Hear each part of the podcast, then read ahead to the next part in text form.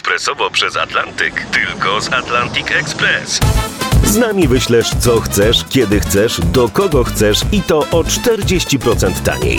W Atlantic Express wysyłamy wszystko, co chcesz. 1 800 775 7363. Mienie przesiedleńcze, kontenery, paczki do Europy. Atlantic Express to 30 lat doświadczenia i o 40% niższe ceny na wysyłki kontenerów, samochodów i paczek. Ekspresowo przez Atlantyk tylko z Atlantic Express.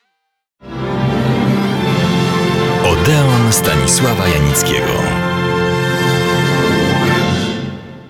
Dina Lollobrigida kontynuuje dziś opowieść o sobie, swoim urozmaiconym życiu uczniowskim i stopniowym zbliżaniu się do filmu, który już wkrótce zdominował, ale nie do końca, jej życie. Tytuł jej wspomnień brzmi Moja cudowna przygoda. Ale my pozostajemy jeszcze w jej życiu szkolnym.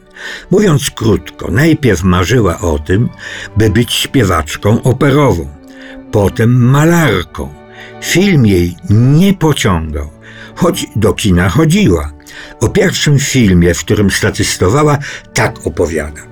Film, w którym po raz pierwszy statystowałem, nazywał się Czarny Orzeł. Był w tym filmie harem i ja byłam jedną z wielu chórys. Haremie spędziłam cztery dni, ale nadal nie ciągnęło mnie do filmu. Nawet kiedy miałam 16 lat, rodzice pozwalali mi jedynie na oglądanie filmów Shirley Temple i podobne obrazy, dla młodzieży dozwolone.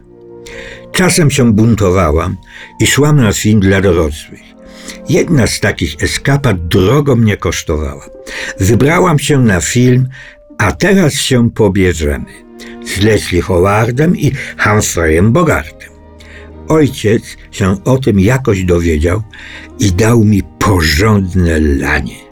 Na znak protestu uciekłem z domu. Przez całą godzinę wałęsałam się po deszczu. Potem się załamałam i wróciłam do domu.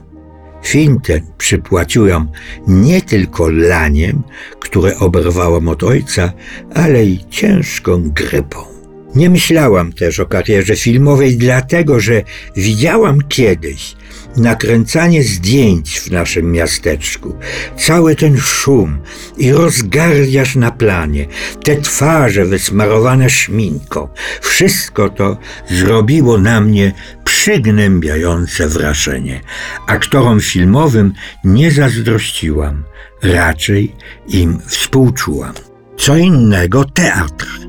Zadebiutowałam mając 7 lat na scenie w naszej szkole. Było to dla mnie wtedy tak wielkim przeżyciem, że zdecydowałam się wówczas na prowadzenie dzienniczka, który zazdrośnie kryłam przed wszystkimi.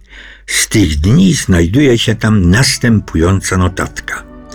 Poznałam swoją pierwszą miłość. Nazywa się Ferruccio. Ma dziewięć lat. Może dla mnie jest za duży, ale wspaniale gra. Sprawa polegała na tym, że ja grałam robaczka, który tańczył z karzełkiem, a tym karzełkiem był właśnie Ferruccio. Niestety w życiu codziennym, przy spotkaniach na ulicy, oboje wstydliwie odwracaliśmy od siebie głowy. Gina Lollobrigida zaczęła odnosić w miasteczku Subiaco, w którym wtedy z rodziną mieszkała, spore sukcesy na scenie.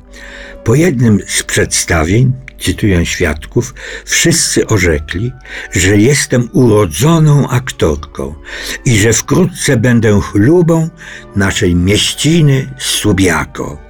Ale ojciec, jawnie lekceważąc moje sukcesy artystyczne, tegoż wieczoru dał mi w skórę. O ile dobrze pamiętam, Chodziło o to, że zakradłam się do piwnicy właściciela domu i pootwierałam wszystkie kurki od beczek z winem. Do 17 roku życia codziennie o 5 rano chodziłam do kościoła. Pamiętam, że mając 7 lat, już w modlitwach prosiłem Pana Boga, żeby mi zesłał dobrego małżonka. Kiedyś, było to zdaje się w 1943 roku, nasz proboszcz bardzo mnie skrzyczał, ponieważ wystąpiłam w przedstawieniu dla wojska. Była wojna i w naszym miasteczku pełno było żołnierzy, dla których urządzało się różne przedstawienia. Obraziłam się na proboszcza i przez dwa miesiące noga moja nie postała w kościele. Jakoś w tym czasie zjawił się mój pierwszy, prawdziwy adorator. I to z tak zwanymi poważnymi zamiarami. Był to handlowiec z Bolonii, ale sprawę rozstrzygnęła matka, zdecydowana wydać mnie jedynie za lekarza. Doktor w domu zawsze się na coś przyda, powiedziała, a taki handlowiec zbankrutuje i będą tylko zmartwienia. Wkrótce wojna zbliżyła się do Subiako i zmusiła nas do skronienia się w górach. Wygnanie trwało siedem miesięcy. Gdy wróciliśmy do domu, zastaliśmy gołe ściany. Długo chodziłam w łapciach ze słomy. Łapcie były własnej roboty. Do Rzymu przenieśliśmy się w roku 1945. Żyliśmy nadal w wielkiej biedzie.